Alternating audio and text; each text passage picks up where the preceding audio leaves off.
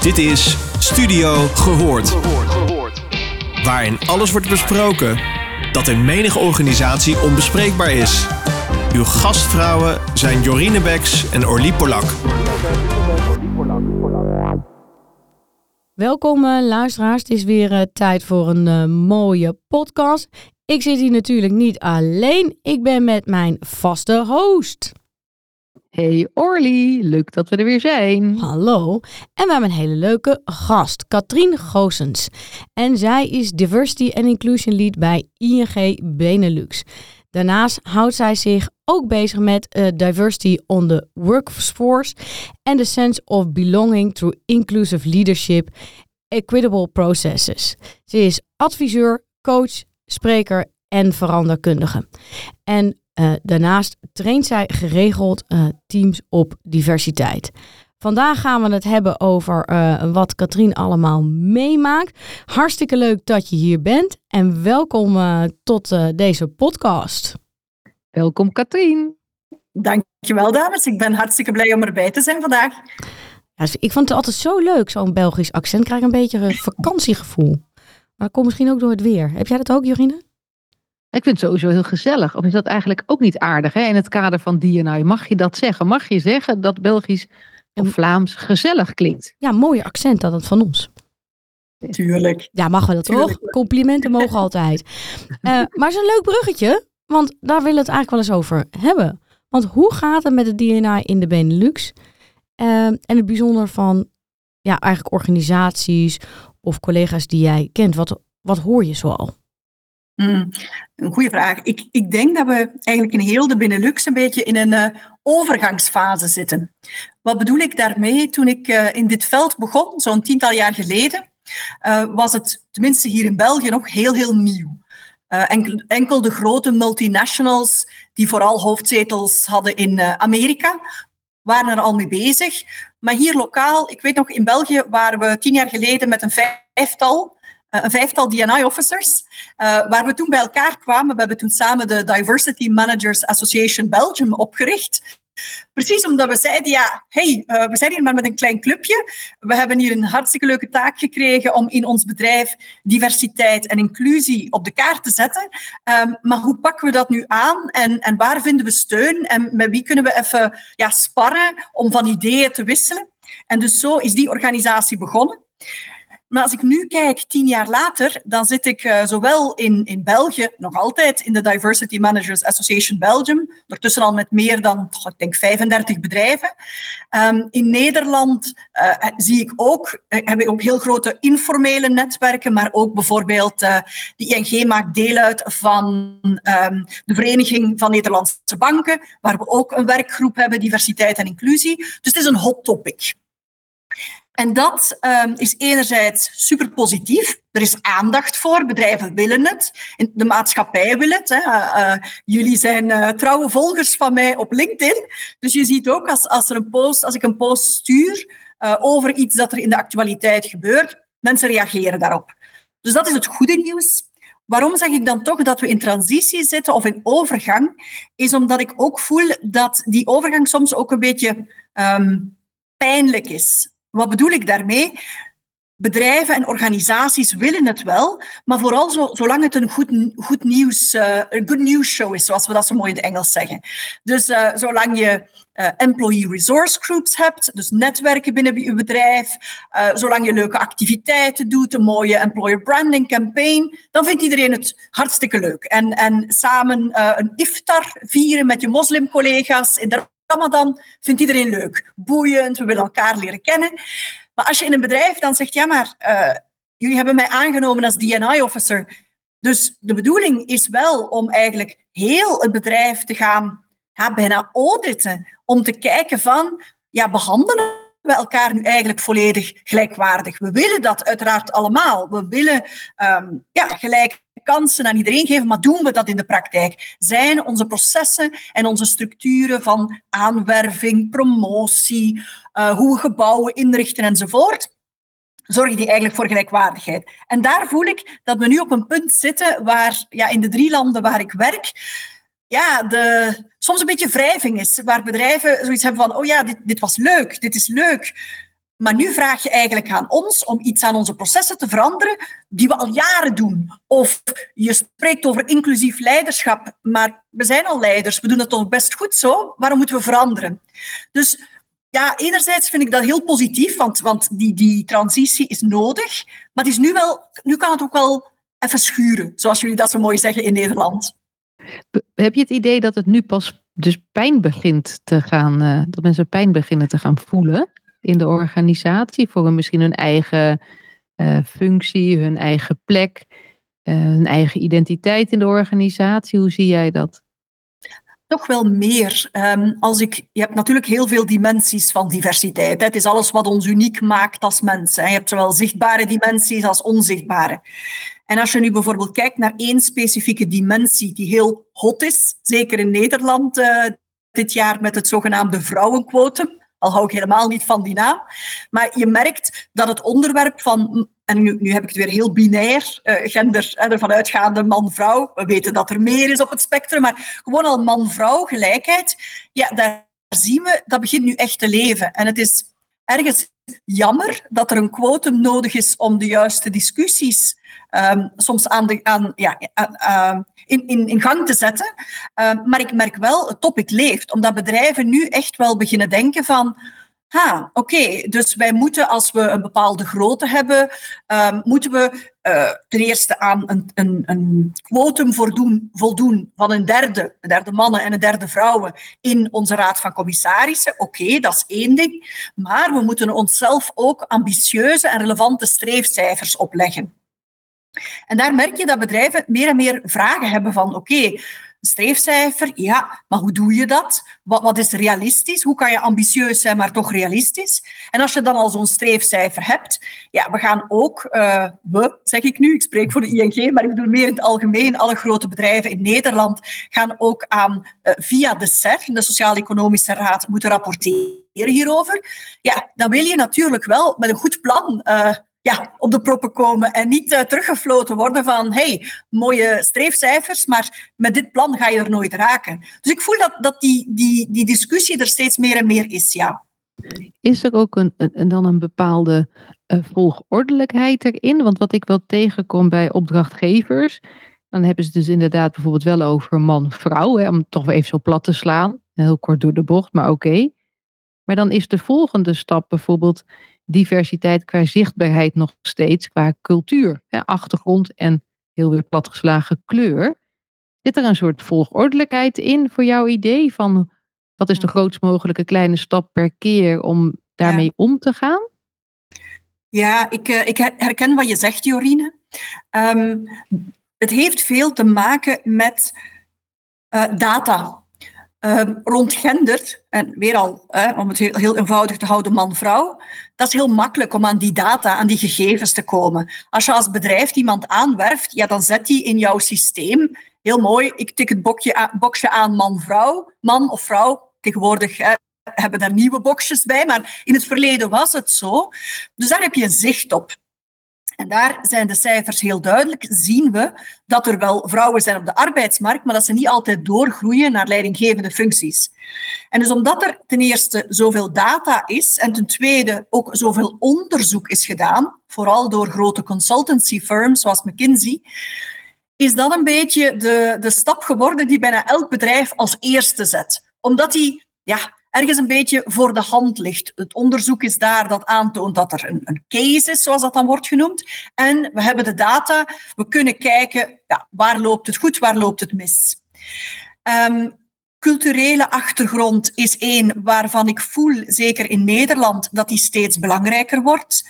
De uitdaging daar is, is dat de bestaande in het algemeen de Europese um, privacy-wetgeving, GDPR, bij jullie heet dat geloof ik AVG, um, dat die ja, redelijk streng is. En dat je dus in tegenstelling tot bijvoorbeeld uh, een land zoals Amerika of het Verenigd Koninkrijk niet zomaar lijstjes kan bijhouden met, kijk, we hebben zoveel uh, medewerkers die, zeg maar iets, in, in Amerika noemen ze dat dan Afri African American zijn of Caucasian enzovoort.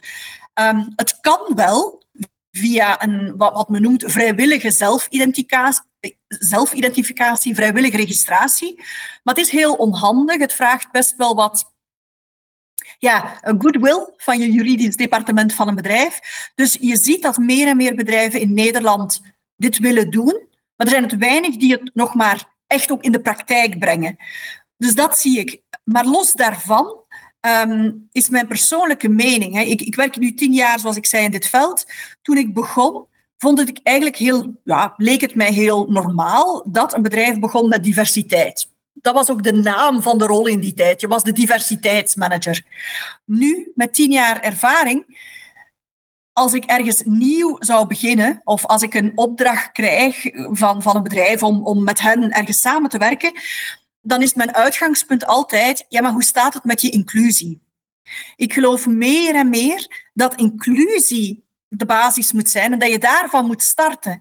Wat dat je anders ongewild eigenlijk ja, meer kwaad dan goed kan doen als je heel erg inzet op diversiteit alleen. En um, ten tweede, dat je ook meer kans hebt ja, om, om er iets uit te halen. Wat bedoel ik daarmee? Inclusiviteit, een inclusieve cultuur, ja, dat komt iedereen ten goede. Iedereen, welke huidskleur je ook hebt, welk geslacht, waar je vandaan komt. Iedereen die in een bedrijf of in een organisatie werkt, wil zich goed voelen, wil zich daar thuis voelen, wil het gevoel hebben van kijk, ik hoef niet een deel van mezelf eh, te verbergen, ik hoef me niet in een bepaalde mal te wurmen om hier gezien en gehoord te worden. Ik heb een stem en, en ik mag er zijn. En als je daarvan vertrekt en eerst gaat kijken van ja, hoe zit de cultuur eigenlijk in elkaar die we nu al hebben? Is die inclusief? En als dat niet zo is, ja, dan moet je eerst volgens mij daarop gaan werken. En, en jij bent specialiste, Jorien, uh, in, in, in psychologische veiligheid. Ik denk dat je dat meer dan goed genoeg weet. Als je daar niet van kan vertrekken, dan kan je heel veel doen om uh, mensen die er anders uitzien of een andere achtergrond hebben dan de meerderheid binnen te halen.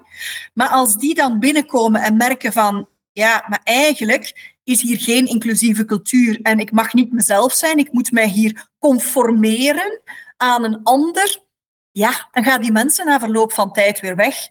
Dus aan elk bedrijf dat nu nog start, en, dat kan nog steeds. Uh, ik weet, grote bedrijven hebben natuurlijk de luxe om daar wat sneller in te kunnen zijn dan kleine bedrijven. Maar ook kleinere en middelgrote bedrijven zou ik zeggen, ga eerst kijken naar je cultuur. Hoe inclusief is die? Bevraag je medewerkers. Stuur een enquête uit. Doe een focusgroep. En vertrek daarvan. En als je ziet dat er daar nog werk aan de winkel is, neem dan eerst de nodige acties. Het zijn je processen als je mensen het gevoel hebben van, ja, die zijn toch niet gelijkwaardig het, of, of fair. Het zij in je leiderschap, het, het, uh, het creëren van betere leiderschapskwaliteiten, voor je echt uh, grote ambities gaat zetten op, ja, maar we willen ook meer divers zijn. Plus, ik geloof ook dat het een het andere een beetje, ja, ze zijn gelinkt. Um, hoe inclusiever je klimaat, hoe makkelijker het ook is om mensen aan te trekken hoe ze er ook uitzien of van waar ze, er ook, ja, van waar ze ook komen. Als ze maar het talent, de, de vaardigheden hebben en, en de wil, de, de attitude om uh, ja, iets, iets bij te brengen in het bedrijf. Um, je begon je gesprek met dat het schuurt. Um, en dit is misschien ook wel het probleem. Een organisatie die inclusief wil zijn, wil de macht delen. En dan, schu dan schuurt het niet. Maar het Klopt. schuurt omdat het heel erg helpt om één stapje of twee stapjes voorsprong te hebben. Ja. Dus dat is de reden waarom je ziet dat overheden het gaan afdwingen, omdat de vrouwen letterlijk niet tussen de all boys netwerk komen. Waarom niet? Omdat het makkelijk is. Want ik ga lekker golven en dan kan ik de taart verdelen. Ik zet mijn vriendje op een plek. Ja, dat is makkelijk, want ik heb besluitvorming nodig. En ik wil dat mijn vriendje mij helpt in mijn besluitvorming. Dus die mannen die verdelen die baantjes ook op een strategische manier. Zetten vriendjes op bepaalde plekken. Zeggen, joh, je moet even die en die bellen. Die is er hartstikke goed in. Ik heb met hem gewerkt op die en die. Helemaal top. Nou, ik, dat zal bij banken echt niet anders zijn. Die kennen elkaar allemaal in die hoge posities en spelen elkaar allemaal het werk toe. Omdat dat in het belang is van besluitvorming en ook in het belang is van het behouden van positie. Dus we hebben het nu over een ideale situatie, inclusie. Maar ik geloof wel, wat jij zelf ook zegt, het schuurt zo dat ik me wel eens afvraag, wat hebben we echt nodig om te zorgen dat mensen die niet in die old boys network zitten, er wel tussen komen. Want als je kijkt nu naar de universiteiten, zitten er meer vrouwen dan mannen. Bij heel veel vakken ook steeds meer economische vakken. Nou, ik zie je al knikken en juridische vakken. Het zijn allemaal dames. En ga je dan naar kijken naar de top, dan zie je ze niet. En wat, wat ik zelf bijvoorbeeld gek vind, we hebben ook overheid dat gekke wetgeving heeft. Ik noem maar even, als jij met zwangerschap verlof bent, dan moet je dat verlof nemen. Dat moet. Dat is een wettelijke verplichting in Nederland. Nou, ik kan me heel goed voorstellen dat een heleboel vrouwen zeggen, wat een onzin. waarom moet ik vier maanden vrij hebben? Ik heb een hartstikke, drukke baan. Dat is, dat is ook iets dat ik zeg, ja, is dat nou heel erg inclusief? Waarom kan die mannelijke partner niet dat verlof bakken? Of een oma of een opa of weet je, iemand die anders die zorgt dat is een beetje betuttelend. Hè? Dus we als overheid al hebben besloten dat, dat de vrouw dan de zorgtaak moet doen. Dat helpt denk ik ook niet bij in het verder pushen dat die vrouwen van die universiteiten echt de kans krijgen om carrière te maken. Maar ik ben wel benieuwd wat jij weet uit de data en wat, wat jij ziet als schuren. Hmm. Verschillende dingen uh, komen naar boven als ik je dat hoor zeggen, Orly. Ten eerste, ik ben het helemaal met je eens. Er studeren meer vrouwen dan mannen af in, in het hoger onderwijs. Dat is in de, de, drie landen waar ik werk zo. En toch zien we dat niet noodzakelijk ja, vertaald in, in de werkwereld. We zien het op de uh, meer junior niveaus, zien we meer vrouwen binnenstromen, maar zeker de doorstroom, daar zijn we er nog niet. Um, en, en dat is niet alleen een, een hoe moet je dat zeggen, een, een, een, eh, een fairness issue, maar het gaat ook over puur economie. Ik bedoel, waarom zouden we als maatschappij investeren in onderwijs voor mannen en voor vrouwen, als we daarna uh, niet de, de condities creëren, de omstandigheden creëren, waarin vrouwen dan ook ja, die, die kwalificaties en hun, hun talenten kunnen inzetten. Dus dus helemaal mee eens. Nu, waar het schuurt is, en, en je haalde het woord aan, hè, want altijd weer terug is macht. Um, en, en het andere woord dat mij opviel uh, toen je sprak, is het woord delen. Er is heel veel, en, en ik, ik neem aan, ik, ik vermoed dat dat bij jullie hetzelfde is in Nederland, maar ik zie dat in België ook. Er is heel veel angst in de maatschappij. Angst om dingen te verliezen. Um, angst omdat er zoveel veranderingen zijn op technologisch vlak. Uh, oorlogen, hè. kijk maar nu wat er gebeurt, alleen in Oekraïne. Mensen ja, voelen zich vaak angstig. En als we angstig zijn, en, en met jullie ervaring in stressmanagement en psychologische veiligheid, weet jullie ongetwijfeld beter dan ik, wat dat doet met mensen. Mensen gaan dan in tunnelvisie. Ze gaan dan heel erg kijken naar um, iets, iets van, dat hen vastgeeft. Of iemand die hen belooft van, kijk, het is, ik maak het heel helder en eenvoudig voor jou. Het is zwart en het is wit. En volg mij en dan, dan is het allemaal wit. En dat merk ik heel erg, hoe diversiteit en inclusie, en een derde element waar ik zo dadelijk op kan ingaan, equity, um, daar ook gevolgen van ondervinden.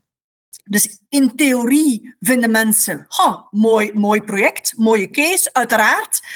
Maar die schrik is er wel van, ja, maar wat betekent dat dan voor mij?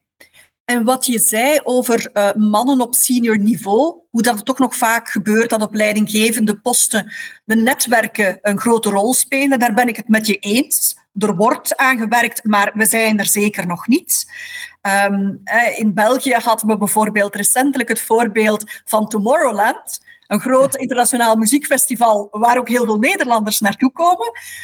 Wat het, het het boegbeeld is eigenlijk van diversiteit en inclusie op papier, maar waar ze net een raad van commissarissen hebben benoemd, waar zeven blanke Belgische mannen ongeveer in dezelfde leeftijdscategorie in zetelen. Ze konden uh, niemand anders vinden, hè? Ze hadden heel hun best gedaan, toch? Helemaal, helemaal, jullie natuurlijk. Uh, hoor een beetje het sarcasme in mijn stem, vrees ik. Um, maar enerzijds toont dat aan, één, dat we er nog niet zijn, want dit soort dingen gebeurt nog. En voilà, ik had er een post op LinkedIn over geschreven, precies omdat het nu bij deze organisatie, als het nu één organisatie is waar je dit niet verwacht, dan is het wel iets als Tomorrowland. Dus dat is één. Maar ten tweede, als ik zie wat voor reacties die post ja, heeft met zich meegebracht, merk je daarin heel duidelijk de polarisering. En wat ik daar nog wou bij aanhalen, een boek dat bij jullie heel populair is en wat ik zelf ook bijzonder interessant vond, natuurlijk De Zeven Vinkjes van Joris Luijendijk. En ik hou heel erg van zijn boek. Waarom? Omdat hij ergens ook wel een model aanreikt dat als mensen het ook echt willen lezen, hè, want we hebben allemaal gezien in de pers, zowel in Nederland als in België, iedereen heeft er wel iets over te zeggen, maar weinig mensen hebben het boek ook echt gelezen, dat als je het gelezen hebt, dat het ook toont waarom ehm, het, het, dit onderwerp vaak ook voor polarisatie zorgt, zeker bij hè, wat men heel vaak stereotyp de witte, de witte mannen noemt. Waarom? Omdat er natuurlijk heel veel mannen zijn die dingen rond diversiteit en inclusie zien, bijvoorbeeld mijn post rond Tomorrowland, en dan zoiets hebben van, ja, die angst, die, die existentiële angst komt dan naar boven van, ja, maar ga ik geen kansen meer krijgen op de arbeidsmarkt? Ga ik niet meer bestuurder kunnen worden of commissaris? Want ja, blijkbaar is er nu een andere groep die de macht gaat overnemen. Terwijl eigenlijk heel het verhaal van diversiteit en inclusie daar niet over gaat. Het gaat niet over de macht overnemen, maar zoals jij heel mooi zei, Orly, verdelen. Er, er is genoeg voor iedereen. Ja, in één raad van commissarissen ja, is er natuurlijk een eindig punt aan hoeveel er kunnen inzitten. Maar als je kijkt naar heel Nederland bijvoorbeeld, of heel België of Luxemburg, er zijn genoeg raden van commissarissen. En dat ja, die, die angst niet verder voeden, maar daar een genuanceerd gesprek over aangaan, is volgens mij ook wel cruciaal om dit onderwerp verder te brengen. Want in een gepolariseerde samenleving leidt het heel snel ook tot ah ja, nu zijn, nu, nu zijn de mannen niet meer uh, oké, dus nu uh, moeten de vrouwen het gaan doen. Of mensen met een andere huidskleur dan wit, enzovoort. Dus ja, dat, dat leeft wel. Um, ja, als ik jou zo hoor, je hebt enorm gepassioneerd vertel je erover. Nou, inderdaad, je raakt natuurlijk ook uh, onder andere mijn topic, maar ook die van Orly natuurlijk. En ik spring ook heel vaak op de barricade enzovoort ervoor. En aan de andere kant de enorme uitdaging daarin. En, uh, en wat je tegenkomt. En juist ook mensen die nog zoveel, ja, van zo ver komen, het zomaar te zeggen, om ja. ja het herkennen lukt nog wel misschien. Maar de next step van, weet je, ik heb ook opdrachtgever, ja, heel die directie hartstikke wit, meerderheid man. En ze willen zo graag dat er meer uh, diversiteit is in de organisatie bij de managers. En toen zei ik met een knipoog, nou, misschien kun je hier beginnen. Maar dat, dat vonden ze niet zo heel plezierig. Maar dat is ook weer logisch, dat komt dichtbij. Hoe hou je dit vol, zeg maar? Waar haal je je energie vandaan om elke keer weer te denken, vandaag wordt het een klein stukje mooier om me heen? Ja, dat is een heel mooie vraag, eh, Jorine. Misschien eerst nog eventjes over dat schuren en wat je net zei. Inderdaad, dat is wel een valkuil waar ik veel leidinggevende teams uh, in zie vallen. Dat is van, oké, we willen het heel graag, heel mooi. Lieve organisatie, ga ze nu maar vinden, die dames. Zorg dat de managers uh, dat ze een ander kleurtje hebben. Zorg dat ze een of andere beperking hebben tot de arbeidsmarkt. Um, voilà, doe het maar maar niet bij ons. Dat is dus het eerste voorbeeld van schuren. Van ja, we willen het wel voor een ander deel van de organisatie, maar niet voor onszelf. En ten tweede, um, om echt verschil hierop te kunnen maken, is het nodig, is er een ander element nodig. We hebben diversiteit, dus, dus de representatie, de mix van, van mensen. En je hebt inclusie, inclusieve cultuur, waar we over gesproken hebben. Maar er is nog een, een, uh, een ander topic, equity. Het is een heel raar woord. Ik vind het moeilijk om in het Nederlands te vertalen. Maar in het Engels heb je een onderscheid tussen equity en equality.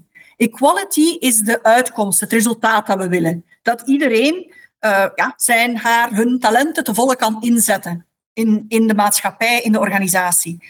Maar equity betekent dat je er niet van uitgaat dat iedereen op hetzelfde niveau start. We hebben allemaal de wind van voren of van achteren op verschillende vlakken. En dat is een tweede element van schuren. Erkennen van, ja, ik bijvoorbeeld, hè, kijk naar mij als individu, ik heb zes vinkjes. Het enige dat ik niet, heb is een, dat ik niet ben is een man. Voor de rest heb ik zes vinkjes. Erkennen van, kijk, ik heb bepaalde meevallers gehad in mijn leven die ervoor gezorgd hebben dat ik de functie uitoefen die ik nu uitoefen in een grote bank. Zoals uh, ouders die gestudeerd hadden, uh, de mogelijkheid om talencursussen in het buitenland te gaan volgen enzovoort. Maar dat is iets wat veel mensen moeilijk vindt. En ik snap dat psychologisch ook. Want mensen, ja, je wil natuurlijk je, positief zelfbeeld zo graag eh, liefst behouden. Je wil graag ergens weten van, ja, maar ik ben ergens geraakt door mijn hard werk en door mijn talenten. Um, en, en equity vraagt om, om te durven kijken naar, ja, maar oké, ik heb hard gewerkt, dat staat buiten kijf. Maar zijn er niet een aantal elementen geweest die mij vooruit geholpen hebben en die andere mensen misschien ja, juist, juist, uh, uh, ja, juist tegengewerkt hebben? Um, en om je op je vraag te antwoorden van hoe, hoe houd ik de energie? Ja, dat was dus het onderwerp van een discussie die we deze week, die ik toevallig deze week had met een groep van uh, Diversity, Equity and Inclusion Managers in België. Het is niet makkelijk. Um, waarom? Het is een marathon, het is nooit een sprint. Um, en van, er zijn twee dingen die mij enorm veel energie geven. Het eerste is met andere diversiteitsmanagers samenkomen en ervaringen delen, omdat je ziet dat ongeacht uh, de sector waarin je werkt, ongeacht het land waarin je werkt, we tegen dezelfde dingen aanlopen. Um, maar zo kunnen we elkaar ook inspireren met oplossingen. Dat is één. En ten tweede, als ik nu specifiek kijk naar ING, Binnen ING in de Benelux hebben we 13 medewerkersnetwerken. En dat zijn dus mensen, groepen van medewerkers, die uh, een deel van hun identiteit delen of, of een bepaalde passie hebben en die zich organiseren om een, een, een ja, community-gevoel te creëren.